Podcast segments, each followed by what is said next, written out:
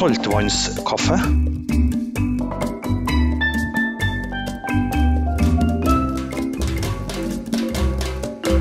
Hjertelig velkommen til saltvannskaffe, folkens. Her er Eren Jektvik, Felix Baldauf og meg sjøl, Roar Halten. I dag så skal det faktisk handle mest om eh, toppidrett. Kall det litt av sånn spesialsending. Vi skal ikke bare ha det også, men skal handle om det. Hva er det som gjør at noen får det til? Er det mye fjusk? Og ikke minst, hvorfor i huleste, gutter, er ikke dere i Romania og bryter Europamesterskapet nå? Felix, hva er det som har skjedd? Åh, ikke si engang. Det var fullstendig uflaks. Eh, Jeg var det ikke første gang, men eh, det var på forberedelsestreningsleir i, i Ungarn. Dag tre så våkna jeg med feber, og så gikk det nedover derfra. Altså. Så nå har jeg i eh, snart er det nærmer seg to uker nå, vært fullstendig utslått. Først hadde jeg influensa en uke. Så ble jeg litt bedre i en dag. Så trente jeg litt. Og så fikk jeg en bakterieinfeksjon i halsen som kalles streptokokker. Og nå eh, føles det egentlig helt ærlig som jeg har lungebetennelse, altså. jeg vet ikke hva jeg driver på med mer. Du, eh, virker det som du har ekstremt dårlig timing på ting, og det at alt skal klaffe sånn 100 Det er nesten så du har til gode i karrieren din, eh, Felix? Jeg har, eh, jeg har til gode å få liksom den der dagen som alle snakker om. Ha dagen. Den har jeg til gode. Ja. Men Ja, men Likevel så er hun europamester og har vunnet utallige viktige kamper, så hvem vet når det først klinker til, og alt for en gangs skyld er 100% da tror jeg du blir olympisk mester. Ja. det er det, det vi, vi tror, vi òg. Så eh, april, OL-kvalik, Baku, Aserbajdsjan, det er da det skal skje. Så det her er det her er bare en del av reisa. Gud ville. Du, når jeg jeg så deg nå i sted her, vi er jo ikke på samme sted som de sikkert hører på lyden. Eh, Du er jo i Kristiansand igjen da, og får litt TLC der, som du absolutt trenger. Sitte og drikke en kopp te og greier. Men jeg så av kameraet, nå så tenkte jeg å herre min hatt, han har det ikke bra nå. Du, en ting er jo at du er sjuk, men det er jo ikke noe kult å ikke få bryte eh, EM som du har lada opp til. Nei, det er jo ikke Det er ikke noe særlig. Det er ikke det. Um, går så lang tid mellom oppturene. Det er liksom EM og VM man lever for hvert år, så det er liksom et halvt år imellom hver sånn sjanse. da. Og det er veldig tungt å miste de sjansene der man kan hevde seg. Det er liksom det man trener for, er jo det mesterskapene der man står med Norge på brystet og, og slåss om medaljene. Og når det har vært stang ut et par ganger, så, så lengter du virkelig etter den der ene oppturen. Da, og nå var jeg liksom klar for å ta en, uh, ta en ny medalje. Jeg, jeg følte på meg at nå, nå, nå er tida inn for å gjøre det. Det her blir et bra år. Men um, heldigvis da, så er det viktigste ennå foran oss. Så um, vi får liksom egentlig bare uh, ikke henge med hodet og bare bli frisk og angre på nytt, altså. Ja. Men eh, er du i kjelleren nå, eller eh, klarer du også å vri ta til noe positivt? Jeg var i kjelleren et par dager, altså. Um, og jeg så jo hele tida sjansen om å, å bryte frem til onsdagen, torsdagen, der jeg fikk beskjed om at jeg har fått en infeksjon i kroppen i tillegg. Da tenkte jeg at uh, den er grei, nå, nå er det nok her. Um, så jeg, jeg tenker jo egentlig bare sånn på det at jeg har pusha kroppen altfor mye. Det vet jeg har gjort. Um, vært på grensa hele tida. Og egentlig så, så går det helt fint. Det er bare det at jeg, jeg kjeder meg så jævlig. da. Jeg får ikke lov å trene heller. liksom. Så jeg er på klikk. Jeg har, ikke, jeg har ikke noe å gjøre på. Uh, I går så leste jeg nesten en hel bok. Ja. Jo, men det er jo fornuftig, det. Ja. Det er sykt. Eh, Men Eren, eh, det positive her, det er jo det at EM-et her er, har jo ikke noe med OL å gjøre. Kvaler ikke til OL gjennom EM-et her, og mange eh, fortalte jo i sted velger å droppe EM-en for å være best mulig opplagt eh, til OL-kvaliken. Det er jo eh, noe man må ta med seg. Ja, ja, sportslig sett så er det jo det OL-kvaliken i april i Baku som vi, vi går for, som vi prøver å jobbe for hele tida. Men klart den prosessen fra å føle seg klar til å reise på Europamesterskapet, bli litt syk, bli enda mer syk, og så har du trua at i morgen våkner du frisk, og i morgen våkner du frisk, og den foregår da i to, to uker, da. Der du går og kjenner på kroppen at ja, men på torsdag er jeg sikkert bra igjen, og så prøve deg litt, og så bare får du et nytt slag i trynet. Det var jo det var noen kjipe dager på Olymptoppen der, der vi egentlig så fram til å gønne på og blæse litt ut og ha bra fire dager på Olymptoppen før vi drar videre til, til EM. Så blir det heller utallige kopper med te og prater og diskusjoner, og så er vi ser i morgen, nå vi ser i morgen, og så er det jo slik at det er et legeteam på Olymptoppen som, som sa nei, her, her, jeg bør, ikke, får ikke lov å reise, bør ikke reise. Eh, og da velger vi å høre på dem som, som sier det. Og eh, når avgjørelsen først er tatt, så var det bare å komme seg hjem så fort som mulig. Slik at vi ikke gikk oppå der og hang innimellom mellom hodet. Så begynner det å skje litt framover, eh, og da er det jo det er jo en vanvittig spennende reise vi skal på de neste månedene. Det er kanskje den mest spennende reisen vi har hatt i hele vår trener-utøverkarriere. At nå nå er vi på minus 10, og så skal vi på pluss 100 i, i, løpet av begynnelsen av april. Og jeg gleder meg jo til å ta fatt i det. Jeg klarer å, Hvis jeg snur det til det at nå Kom igjen, da. Det blir oss to mot verden. Så skal vi faen meg vise dem at her er det her kommer eh, balløfttoget, og det er ingenting som kan stoppe det når vi setter i gang. Så det, jeg gleder meg til å begynne å få overtenning på det igjen. Eh, foreløpig har jeg bare følt meg som en, en kartleser i en rallybil som sitter og venter på at vi skal starte motoren, for kartet er jo klart. Men så lenge ikke får begynne å kjøre, så er det vanskelig å si om vi skal dra til høyre eller venstre der. Men eh, ja da. Eh, det er glemt. Eh, det er EM i disse dager når vi spiller inn, så vi får kikke på de andre han bryter og heie på dem. Og så når EM er ferdig, da, så er også dem konkurrentene oss ferdig med Europamesterskapet, og alle begynner å kikke fremover på samme datoen som vi gjør. Så vi gleder oss til det. Ok, Vi lar denne her ligge nå, så tenker vi det at uh, dette her er bare en god uh, oppkjøring til kvaliken. Hvis en må vri positivt på det. Det er det jeg tenker, Felix. Det går ikke an å grave seg ned i, i den dritten der.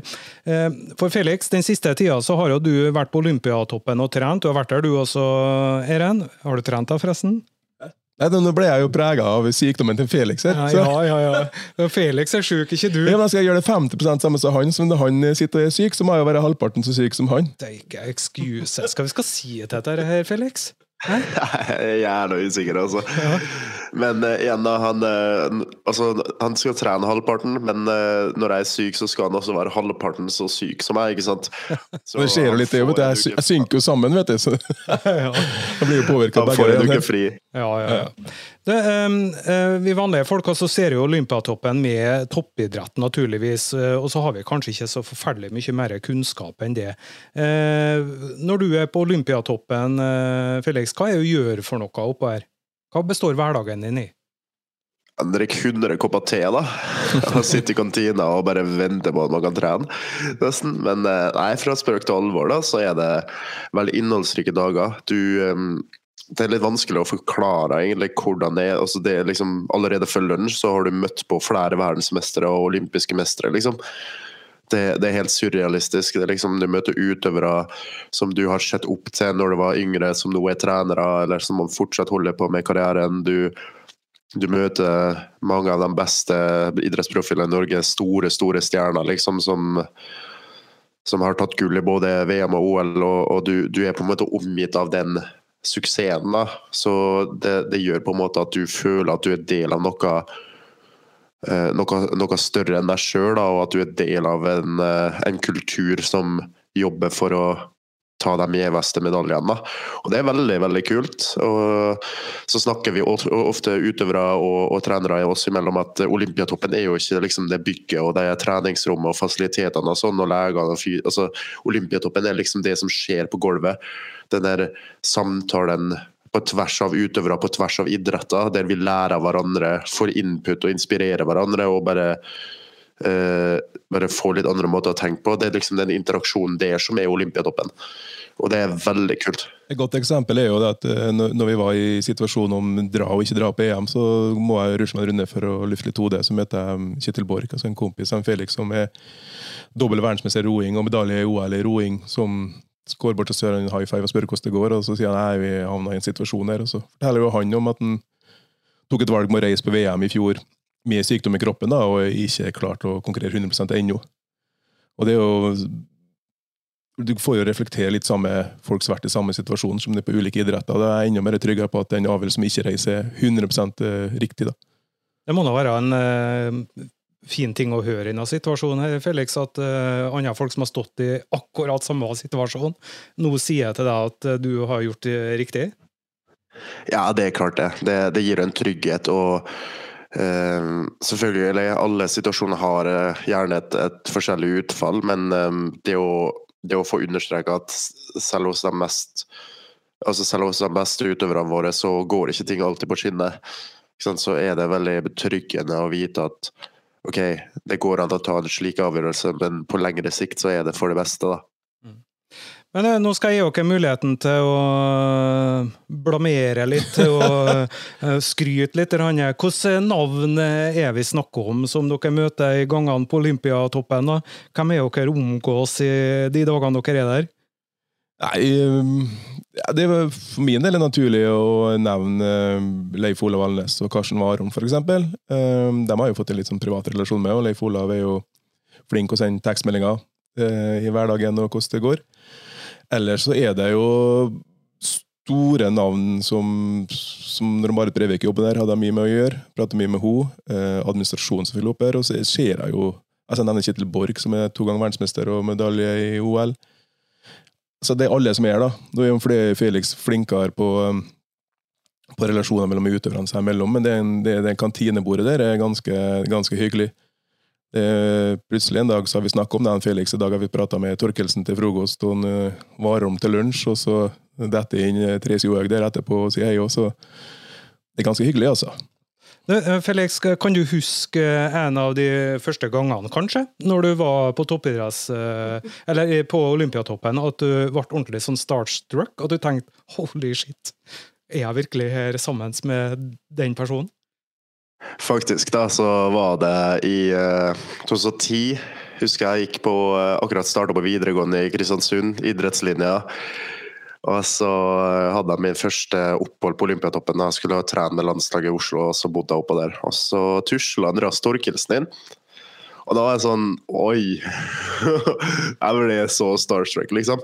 Og, og det er så morsomt, for sånn som nå, da, så er det Nå kan man sitte oppå der sammen og prate skit, da og anerkjenne hverandre, ikke bare som utøvere, men som mennesker. Da. Og det, det, er liksom en veldig, veldig sånn surrealistisk eh, reise det har vært, altså. Men er han der ennå, han? Ja, ja da, han er ikke han pensjonist? Han er ikke han er, trener, han er trener for uh, noen kastere, her, jentekaster, som, som, begynner å bli bra, kan få ta medalje i OL, faktisk. Og han er jo en karakter. Han, eh, jeg vet Når jeg kommer på Lymtoppen og det står en bil parkert på tverra rett utover inngang, hovedinngangen, så er en eh, Andreas Torkelsen på jobb. for han, eh, han er olympisk mester, så han kan parkere kan villaen sin. Så han Det står en Mercedes det er bare fullstendig uinteressant. Og han er han er kjempefin fyr. Veldig glad i hardrock til gruppa hans. Så blir det ofte diskusjoner om hvilken musikk vi skal høre på i treningsrommet. Og så Han jobber på, og kjører ofte high five med han. Det er veldig hyggelig. Ja. Høres bra ut. Eh, vi utfordrer herved eh, Andreas til å ta en tur til Kristiansund og gå i ringen med Kristiansund parkering. Så eh, kanskje vi får litt ekstrainntekter til Kristiansund kommune òg. Men du vet, han, var, vi var jo på en samling i, i han, en samling i, i, Finland. og Der var han samtidig som på friidrettsstevne. Så fikk han jo beskjed om å åpne stevnet. Så bare tar han en kopp kaffe, hopper vi her og så sier han på, finsk, eller på engelsk It's good to be here. Let's go! Så bare går han av. Det var talen hans foran 5000-6000 stykker på tribunen der. Da fikk jeg en dag på tribunen med han. Han forklarte meg reglene på alle friidretts... Eh, ja, kasteøvelser og sånne ting. Men, men eh, liten refleksjon her. Jeg tok jo flyet til Oslo, her, og da møtte jeg jo kanskje Kristiansunds nest største stjerne. Eller største stjerne, eh, Søren Balløf. Det var Solskjær. Skulle til India en tur. Ja. Da møttes vi på flyplassen og satt og prata på flyet sammen med en felles bekjent. og på, det var ikke SAS eh, foran eller det var SAS bak.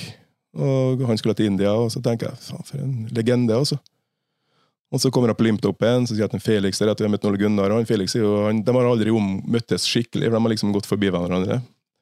Så leser jeg VG etterpå, så ser jeg Ole Gunnar har landa i India, så bare står hele flyplassen og tar imot den med tusenvis av fans som, som, sier hei, og han må stå og skrive autografer. Så det er ganske vilt. Full av beundring over den personen her som sklir anonymt gjennom Kristiansund og, og bare gønner på i India og er populær der. Ja, enda i India vet du, så er jo ikke fotball uh, særlig stort, faktisk. De, de uh, driver med cricket. Uh, bare prøv, prøv, å komme på en indisk fotballspiller, og vi snakker jo om verdens mest folkerike land her. Du klarer ikke. Det er ytterst få som har klart å slå gjennom som profesjonelle fotballspillere fra India, faktisk. Så det at han har såpass stor stjerne nedi der, det sier jo litt da, om hvor stor Ole Gunnar er. Ja, jeg er full beundring av den fyren der. Du, eh, vi snakker jo eh, om vinnerskaller her i dag, toppidrett. Eh, folk som gjør det de kan for å vinne. Eh, dere har jo da selvfølgelig møtt mange forskjellige typer vinnerskaller som ofte gjør eh, radikale ting for å vinne. Eh, kanskje ofte mer enn det daglige, harde arbeidet som skal til også? Ja, det, det som gjenkjenner dem vi har møtt, er først og fremst en veldig lidenskapelig opptatt av idretten sin veldig sånn idrettsnerder på sin idrett, både når det gjelder konkurrenter gjør og resultater. og Ikke minst eh, professor Alnes, som jeg kaller en, som noterer sikkert hvert skritt eh, Karsten tar på hverdagen, og om, om hvor ofte han knytter skolissa si, jeg vet ikke, men det er veldig nerdete på sine ting. Og så pusher de jo grensene, da.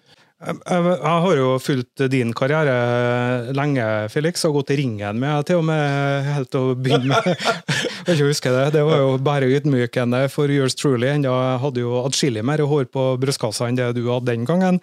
Eh, men eh, er det noen av de her folkene her som har lært deg eh, ting som har vært, gitt deg litt sånn aha-opplevelser i forhold til hvordan du kan gripe an egen trening? At du på en måte har gjort, gjort ting helt annerledes og tenkt jøss, ja, det var en god idé.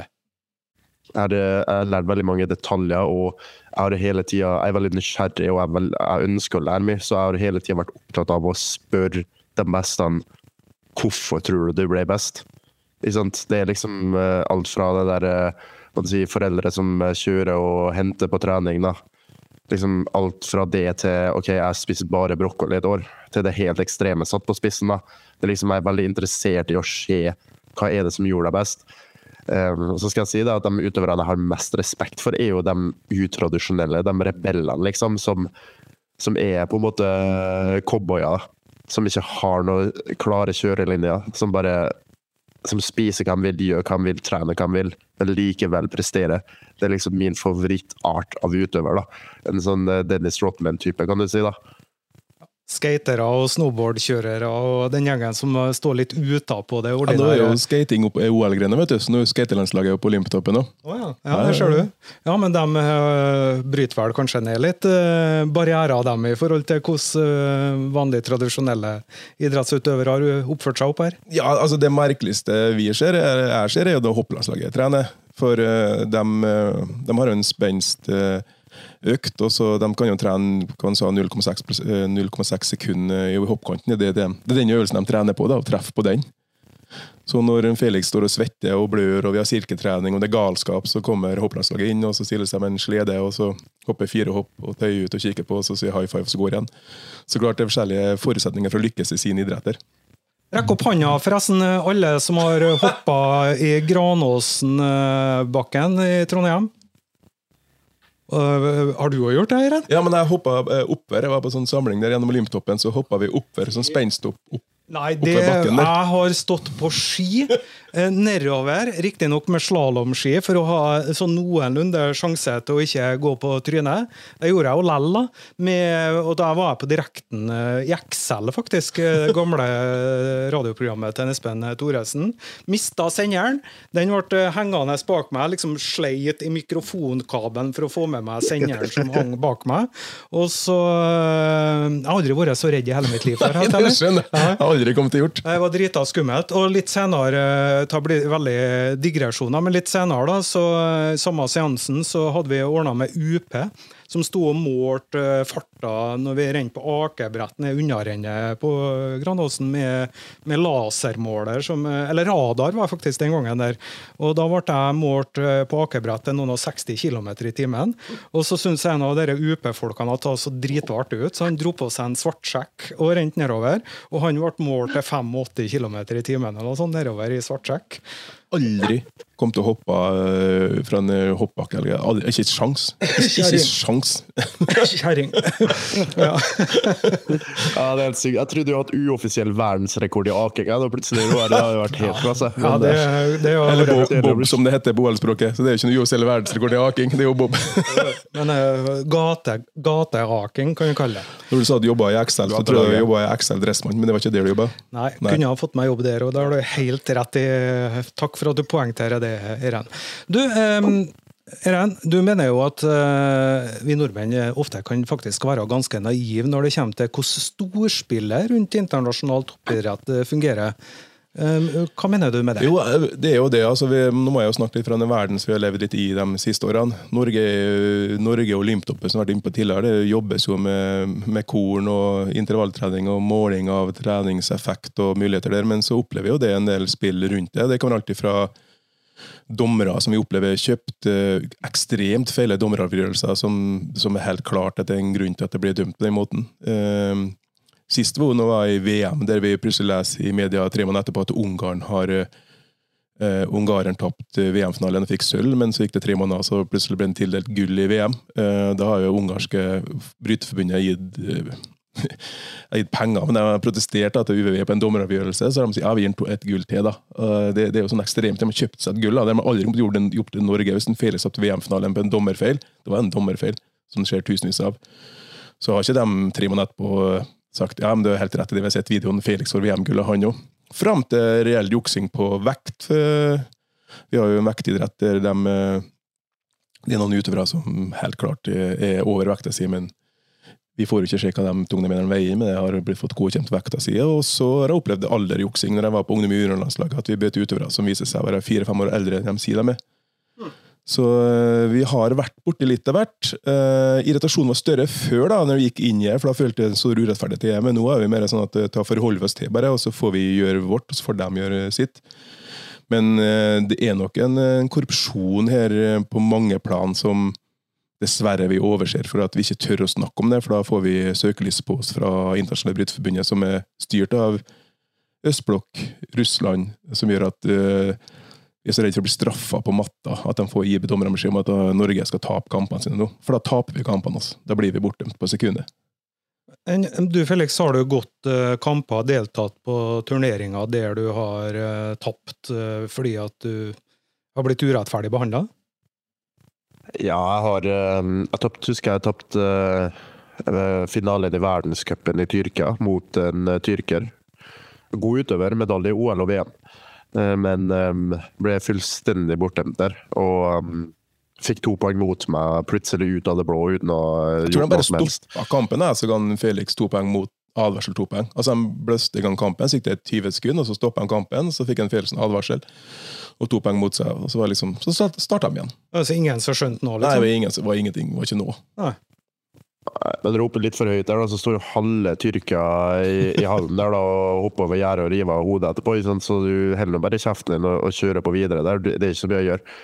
Selvfølgelig så er det bittert i etterkant, men hva skal du gjøre, da? Samme med, med, med doping. da, altså, Jeg vet jo sjøl at flere av utøverne jeg konkurrerer mot, har eh, til og med vært utestengt for doping. Men uh, nå er de liksom tilbake og konkurrerer. Men uh, hva skal jeg gjøre med det? da? Jeg får ikke gjort noe. Så uh, jeg irriterer meg ikke over det mer heller. Jeg vet at toppidretten preges av urettferdighet. Idretten er ikke rettferdig, men det er heller ikke livet og verden. da. Så jeg prøver egentlig å se litt sånn på det. Og så lenge jeg gjør min del og, og er ærlig og rettferdig, så, så får de bare holde på som de vil. Um, effekten eh, av dopinga får de kanskje nå, men i det lange løp så får de til å dø av hjertestopp når de er 50 år. ikke sant? Så hvor fett er det? Da kan du liksom uh, ha så mange OL-medaljer du vil. Da syns jeg uh, det er utrolig sånn prisverdig, forbilledlig måte å se på her på. Jeg, jeg, tipper mange av de som sitter og hører på nå, tenker at det der det har jeg ikke funnet meg i, men samtidig så ser jeg det at da får ikke dere gjort noe med. Det har dere erkjent, og da gidder dere ikke å bruke energi på det. Og, og det, Den kan jeg skjønne, for hvorfor skal man gå rundt og være irritert til enhver tid hvis uh, det ikke betyr en dritt allikevel? Annet enn for en sjøl, at en blir frustrert sjøl. Det nettopp det, da. Og vi, vi har ikke lyst til å bli huska som, de, som dem som irriterte seg over alle andre, men eh, det er liksom Vi har lyst til å bli huska som den eh, gærne, tjukke treneren og den tatoverte, jævla gode utøveren som klarte å ta over hele verden fra Kristiansund. Bra. Snakka om deg nå. Ja, ja, ja, det snakka har aldri vært treneren til Felix, bare så det er sagt. men altså, det finnes jo bare et korrekt svar på det spørsmålet jeg skal stille nå, Felix, men jeg, jeg stiller den likevel. da. Blir du ikke frista sjøl til å kjøre litt eh, snarveier når du ser at andre lykkes med å ta sine? Nei. Bra svar! Da lar vi den ligge. Men da, Felix jukser jo ikke engang på, på Vi hadde økt for eh, fem-seks måneder siden Bråtdalen, og skulle ta burpees. Jeg tror det var seks eller åtte burpees. Så tror jeg han tok én for lite. Og da første, ble første tanken min var, ble jeg sjokkert, for han tar Felix én burpees for lite. Det har han aldri gjort i sitt liv. Eh, med andre så tenker for da skjønner jeg fort at her er meg som har telt feil. Altså Han jukser jo ikke på, på det engang. Skal du ta så mange burpees eller springe så langt eller kjøre så mye vektøkter, så, så, så, blir det gjort. Så det blir ikke juksa på nå leir. Altså, å ta steget derifra til å eh, ta noen anabolesteroider eller eh, andre ting, eller andre snarveier, er fullstendig utenkelig. altså. En kortspiller, Felix? Ja, det er bare jævla dårlig, egentlig. Det er juks. Det trenger jeg ikke juks engang, for det, det, det, går bare utover meg sjøl her. Okay. reglene. Ja, vi er kjempedårlige. Vi har som brottbukker i jula. Vi er Førstens ryker ut, vi spiller om Kinderegg og smågodt som et oversett jula. Førstens ryker ut er en Felix, og da sitter på taperbordet og spiser smågodt i stedet. sitter i tre timer og snakker om bryting, så og så spiller resten poker fortsatt. Nå har vi snakka eh, en del om de som ikke gjør ta helt på den eh, redelige måten. Eh, vi må bare understreke det at vi har snakka om ta før òg, og jeg vil jo tro at de aller, aller, aller fleste, den store flokken med toppidrettsutøvere, de gjør å ta skikkelig. Der er kanskje ikke noe tull. Eller hva sier dere? Ah, det er vanskelig den der, da. Men at, at, det er en palle der eh, når Felix ble ropmester der, og, og, det er fire stykker på pallen der for det er to bransjemedaljer, om at 50 av dem, av dem som tar medaljer i bryting, har noen gang i livet gjort noe uredelig, det er jeg ganske sikker på. Men vi er hyggelige gutter for det. Så det er egentlig, Vi får bare forholde oss til dem som, det, som de er. Litt drittsekker når vi konkurrerer, så har de sine utfordringer, dem òg. Det blir jo kanskje vanskelig for dere å spekulere på neste spørsmål, her da, i og med at uh, dere ikke er en del av det. Men hva er motivasjonen? Er det å vinne? Er det å bli rik? Er det å få berømmelse? Hva er liksom greia? Hva er de uh, gjør det for? Jeg tipper alle tre, fordi i de landene der man doper seg, så er det jo sånn at idrett er politikk, status og pensjonen din. I Norge så får du et uh, blomsterbukett mens der får du leilighet og pensjon. Du får jo du får rett og slett livspensjon. Får du medalje i EM, VM og OL, så får du 2000 euro eller 5000 eller 10 000 euro, eller også enorme summer i østblokk for medaljen. Så du sikrer for livet. da. Det som gjør at du får en leilighet og en bil også, hvis du har en familie som kanskje ikke har noe jobb. eller sånne ting. Så det er, på en måte så kan jeg skjønne sant? når du bor ganske tøft og har det ganske hardt og ikke har så mye mat og ikke har eh, jobb, rett og slett. At her får du sikra deg. Og så er jo konsekvensene blitt tatt. da, I Østblokk ser vi jo, er jo null, sånn folkelig sett. Her er jo ja, forsida på alle mediene og, og, kanskje blitt forvist fra landet neste, mens der så er det bare at du, du, får ikke trent på to år, og så når du kommer tilbake, så er alt, alt det samme igjen. Du mister jo ingen medaljer eller noe sånt. Det er ikke noen konsekvenser for livet ditt. da. Ja, Her er jo skammen eh, kanskje den verste straffa, at du, du, blir ordentlig satt i bås. Men hold an litt, Felix. Du sier at uh, hele fremtida deres ligger i potten med pensjon og det hele. Uh, men hvis Felix, eller når, unnskyld, når Felix Baldauf blir olympisk mester, blir du ikke rik av det engang, altså? Nei, altså skal vi ta det regnestykket, da. Um, for A-stipend fra Olympiatoppen. 100 000 der nå. 150 000 der nå. Um, og 25 000 fra forbundet, Norges Bryteforbund. Men egenandeler på 30 000, så den går rett ut igjen. minus 5 uh, minus, minus 5000 kroner i minus bare der, da. Så, ja, uh, der er det jo egentlig over, da. Ja, men uh, sponsor, og står de ikke i kø, liksom alle Pepsi, Cola og alle disse store, tunge sponsorkreftene? Jeg tviler på det, fordi um, Altså, Se på Stig, da. Stig André Berge, som tok eh, OL-medaljen sin i beste sendetid i 2016 i Rio. Han ble ikke millionær etter det, folk sto ikke i kø etter det, og, og han måtte liksom jobbe hardt for å beholde sponsorene sine. Uh, og det er jo egentlig enkelt og greit fordi um, vi, altså vi vises ikke noe plass. Mens nå, etter hodet klemmer, så, så tror jeg at kanskje altså vi, vi, Når? Når? Når jeg blir olympisk mester, så tror han nok det kommer til å forandre livet mitt, faktisk. Det er jeg ganske sikker på. Og så er det jo ingen økonomi i VM-cupene, sånn som det er for i vinteridrett og friidrett. og sånne ting her. Altså Alle turneringene som er, og det overrasker en del utøvere, da, for i hopp, friidrett og alle andre turneringer, så er jo premiepenger. Og Her er jo ingen premiepenger. Du får en medalje og en diplom, og så ruller vi på videre. Fordi at de som styrer internasjonal bryting, altså østblokklandene, de har lønn fra staten, så de, ingen som krangler om nå må vi få noen premiepenger til utøverne, sånn som det er andre plasser. Det var utrolig kjip å høre om uh, tennisstjerner og golfstjerner som vinner 30 millioner på ei turnering og sånne ting, og så uh, her snakker vi om hundretusener, liksom. I beste fall. Jeg husker vi satt på Olympiatoppen, og, og ja, Aron kom og hadde ansatt en liten kokk hjem til seg, så skulle jeg få servert bra mat hver dag, mens vi ble glad for at en Felix fikk tolv gratis lunsj på Olympiatoppen. men han har også andre resultater. da.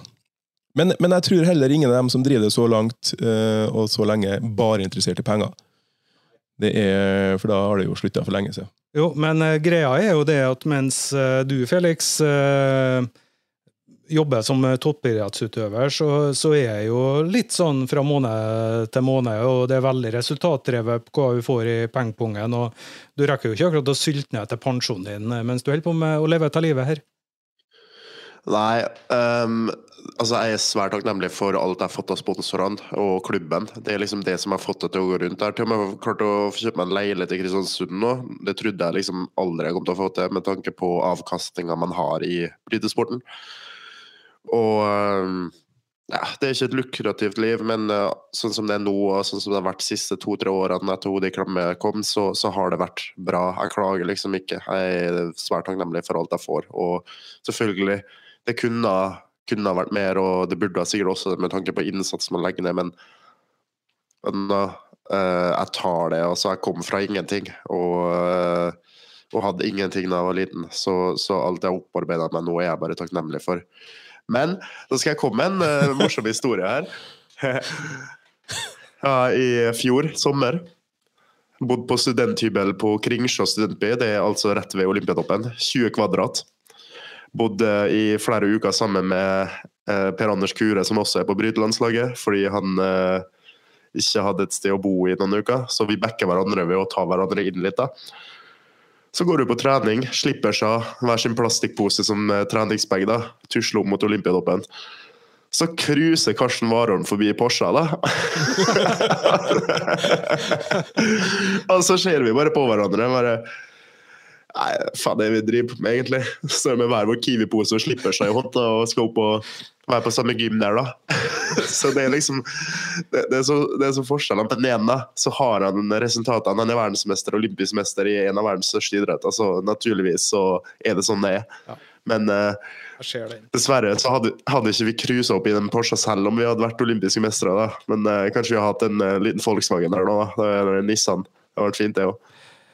Ja, det her Da skal få stå for mye regning, eh, folkens. Hvis det er noen av dere som hører på nå og vet at jeg jobber for et firma som eh, sitter på en sponsorpott, syns jeg dere skal ta kontakt med en eh, Felix og støtte noe på. Ta ikke noe Felix eller Eren har bedt meg om å si, men det, det skal nesten bare mangle.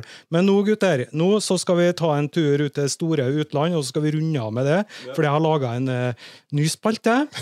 ny fast spalte, eller? Ny fast spalte. Vi har bare hatt nye faste spilte fram til nå. Og jeg har jo selvfølgelig også produsert en uh, jingle. Yes. yes. Og her kommer den. Café agua salada. Café cu apă sărată. Lunuatură cu 소금물 커피. Saltwater coffee. Salzwasser Kaffee. Saltvannskaffe. Ut på tur. Utenlandstur. ut på tur, utenlandstur, folkens. Eh, Og for den som ikke snakker alle de språkene der, så er det altså saltvannskaffe på ymse språk, og spesielt eh, til slutt der da en liten eh, honnør til Felix på tysk. Du fikk med den, Felix? Takk, takk. Ja, den, den hørte jeg. Den hørte jeg tvert. Saltwasserkaffe. Saltwasserkaffe. Ja, eller noe sånt. Jeg er veldig flink på, jeg er veldig flink på sånn tulletysk. Ja, Ich hab's eine kommen. Du sagst, nein, kein Problem. Ich hab's. Yes. Ja, bra jobba. Ja, ja. Jeg kan kun eh, pornotysk. Så det skal jeg ikke Og det er alltid så er jo Helga med, så jeg skal ikke begynne med den, da. Er det mye damer i Tyskland som heter Helga, forresten, eh, Felix? Uh, jeg, at, jeg tror ikke det. Oh, nei. Faktisk uh, Nei. Nei, men, nei, jeg kjenner ingen. Er sånn spørsmål at, Er det fra Tyskland? Ja, vet du noe, Onkelen min han, var, han bor i Tyskland. Har, har du møtt han, eller? Nei, det tror jeg ikke. Det er samme type spørsmål. Han har bodd i Norge sånn. hele sitt liv. Ja, det var sant, ja. Ja, ok, da. Du, eh, vi skal gå over til denne spalten vår, da, vet du. Eh, I denne spalten så skal vi dele reisetips, gode historier og andre kurioser fra turene til utlandet. Og vi har jo vært på noen, da, og dere reiser jo veldig mye. Eh, og så har jeg slengt med meg sjøl, bare for at jeg skal få lov til å si noe, eh, jeg òg. Eren, du skal få starte den nye spalta, så da spør jeg. Når var du mest redd eh, på en tur i utlandet? Ja, nå er vi ganske heldige for at vi, vi er mannfolk på tur, så vi slipper heldigvis å være så mye redd. Men vi har, et, vi har noe som vi kaller knivstikkegata. Altså det vil si hvis vi går og surrer litt i østblokk, som vi ofte gjør, og prater litt, så plutselig så har vi gått i uten å sky oss om, så har vi gått i gata vi ikke bør være i, og da, da er liksom beskjeden her ikke prate engelsk, nå er vi i ei knivstikkegate. Da later det som at vi ikke er turister, prøver å komme oss mot, eh, mot et lyset nærmest mulig. Og klart, det, det er noen plasser i Serbia, eh, Montenegro, Bosnia ja, Det hører jeg jo sjøl, eh, der du tenker at her, her burde jeg ikke vært. Eh, og det har vært plasser der vi har uh, ikke tort å ta ut penger fra Minibanken, for da har vi stått med ryggen til den andre befolkninga der. Ja. Som gjør at uh, hvis vi, vi, klarer, hvis vi tar ut penger her nå, så blir vi rett og slett stukket i ryggen og, og tatt. Men har det vært noen sånne episoder der dere faktisk har ordentlig blitt konfrontert med kriminelle element som har uh, trua dere på livet? Jeg var i, var i Hviterussland for noen år tilbake, så skulle vi ut og ta et glass øl der, vi voksne, og da sto vi i, i, i kø inn for å komme inn på puben, der de andre sto, sto i kø. Og så var vi tre-fire stykker som ble drogget inn, inn på et siderom og spurte hva pokker vi gjør, gjør vi her. Altså. Og da tenkte vi her må vi kjøre noe Kung Fu Panda for å komme oss ut med, med noen andre dørvakter. Vi kikket på hverandre, vi var trenere, brytetrenere. Men heldigvis så hadde vi blomklører, og så kom det en, eh, var noe skurkespråk i bakgrunnen. Så gikk de og henta en annen fyr med blomklører, og han kikket på oss og sa 'this is good, good, good'. Så vi, fikk vi lov å komme inn, men da var vi forberedt på enten gi fra oss det vi hadde, eller, eh, eller eh, vi har ingen anelse. Så er det bare å ta to øl og så kjøre en moonwalk derifra igjen. Sikkert ikke første gangen i historien at noen har blitt berga av et par solide blomkålører til det der. Ja da. Så, men, men du da, Roar, hva er det, hva er det som eh, Har du det flaueste som skjedde deg i utlandet? Ja, det, det kan jeg fortelle, vet du. Eh, Jeg flere ting, da. Ja. Jeg snakka med fruen om det i går, faktisk, når vi lå utafor stampen utafor her og eh, bo- bobla kroppen vår. Og så, Da kom hun på eh, en som jeg har glemt, da, fortrengt, rett og slett. Jeg var en sånn 18-19 år. Eh, Fruen jeg var på Kreta. Vi skulle på sånn buss-sightseeing. Og jeg er jo ekstremt nysgjerrig. Jeg er jo, eh, det er sånn jeg er. Um, og så um, satt vi inn i bussen, jeg satt opp med vinduet, og så så jeg en annen traktoren, eller noe sånn action, det var en liten sånn trafikkork utafor. Og så tok jeg og så tredde hodet mitt inn i en sånn liten vindusåpning som var i vinduet på bussen. Eh, Så s- satt han der med hodet mitt, så vidt jeg fikk det inn. Plutselig så stopper bussen, eh, åpner døra, og jeg sitter jo opp med den døra, og døra går på utsida av bussen, kliner rett inn i trynet mitt. Og så blir jeg sittende fast da, mellom bussdøra og vinduet. Og, og så sier jo øh, Gro, Gro da, som er gift med, at husk på å fortelle om det grønne dropset òg, for det hadde jeg i kjeften. da. Og uh, jeg ble jo nesten kvart, så det begynte jo å komme sånn grønt, ut, grønt drops ut av kjeften på meg. Og uh, til slutt da, så går jo døra tilbake igjen. Øh, lukkes. og jeg klarer å slippe fri. Eh, og eh, da fikk jeg litt oppmerksomhet, kan du si, i bussen der. En av mange litt sånn ræva, flaue historier som jeg har opplevd når jeg er på tur. Og det er bare fordi at jeg er litt nysgjerrig. Vi, var, vi, var, vi skulle egentlig vært i Romania nå, og der der er det jo, Vi bor jo på et sånn relativt fast hotell, og så er det en, en taxitur inn til sentrum. og Da var det faste taxier som kjører oss frem og tilbake, da, som står utenfor hotellet og venter på oss. og så ble vi så lei, for prisen gikk opp så gale hver gang. altså Vi følte oss gale lurt. Så til slutt så gidda jeg ikke betale, de skulle ha 19 lokale gærne penger. Vi så nekta å begynne å betale, og så begynte det å bli krangling med oss og taxisjåførene. Nei, jeg orker ikke mer, jeg er lurt hver gang. Det er 15, det er ikke 19. Så begynte vi å regne på det, så var det sånn 2 kroner og 50 øre. og sånn. Så det, jeg, jeg, trenger ikke bli drept før 2 kroner og 50 øre i Romania, så vi bare ga dem pengene og, dro. Og sånn, Hva faen har vi holdt på med nå? Men det var jo bare lei av å bli lurt, tror jeg, for det gikk opp fra 10 kroner til 17 kroner hele taxituren. Ja. Enn du, Felix, eh, står igjen på lista vår ser over eh, ting som har skjedd oss i utlandet. Og det jeg lurer på til deg, hva er sprøeste du har opplevd når du har trafikkert utlandet? Jeg er jo, eh, jeg er jo lidenskapelig backpacker, da, så jeg har vært mye ned i Sørøst-Asia. Veldig mye. Og det Det var flere historier som ikke er egnet for det her nå. Men um, jeg husker jeg var i India, skal jeg ta tog, og så kjenner man jo skrekkhistorien eh, tog i India. ikke sant? Stappfullt, sitter folk på taket, du må bæsje i et høl, det kommer tiggere ut bein nedom. Alt stemt.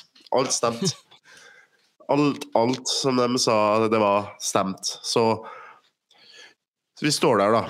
Ståplass, fordi alle sitteplassene var opptatt, det var så fullt. Så plutselig hører jeg bare skriking og klass, klapping og, og, og, og, sirkus, da. Og så går det forbi menn kledd ut som kvinner, og så transvestitter, da, muligens. Som bare går rundt og skjeller ut uh, alle mennene som sitter i toget, og fiker dem i ansiktet. Og, hvis de ikke får penger, liksom, så får de seg en flathånd, de mennene som ikke gir dem penger. da.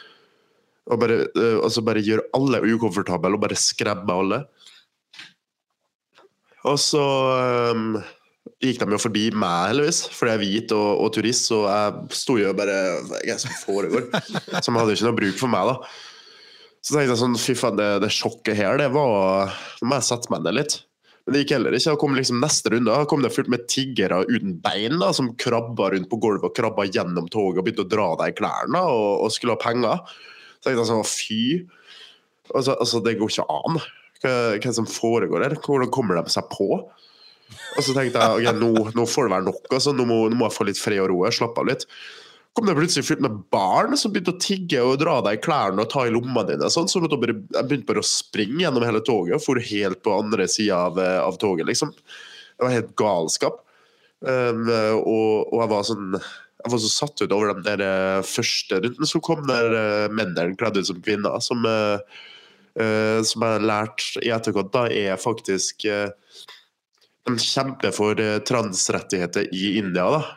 Og derfor er de vel litt sånn aggressive der, for å, for å skape litt blest rundt der. nå, Men jeg er veldig usikker. Jeg skjønte ikke hele historien der. Men da, det var altså verste og bare dassen på det toget der. og det, altså, det, he, Hele opplevelsen der, helt sinnssyk.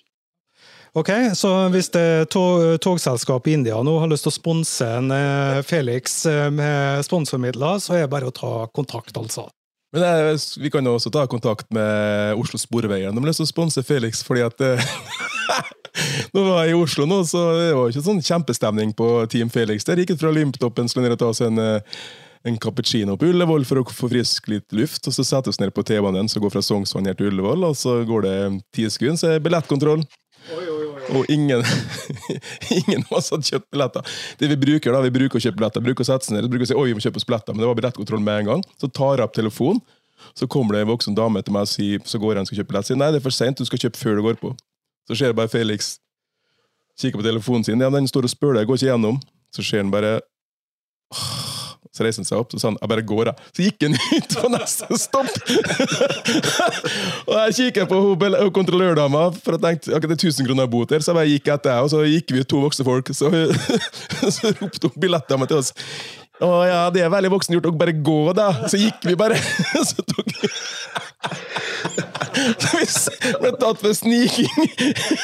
og så tok vi bussen ned og tok oss en cappuccino og T-banen hjem igjen. Så eh, Oslo Sporvei òg, hvis dere har lyst til å sponse Felix, det er bare ring oss. Vi stiller dere et par tusen kroner der. Har du nesten gjort det? Ja, det var, Men du, ja, flaut, også. folkens, det der lar vi være siste ord, vi så får ta henge litt. Og eh, nå, eh, Oslo Sporveier, nå vet dere hvem det var. Takk skal dere ha. Du har hørt Saltvannskaffe med Felix Baldauf, Eren Jektvik og Roar Halten. Saltvannskaffe er produsert av Streambert Pro for Tidens Krav. Ansvarlig redaktør er Ole Knut Alnes.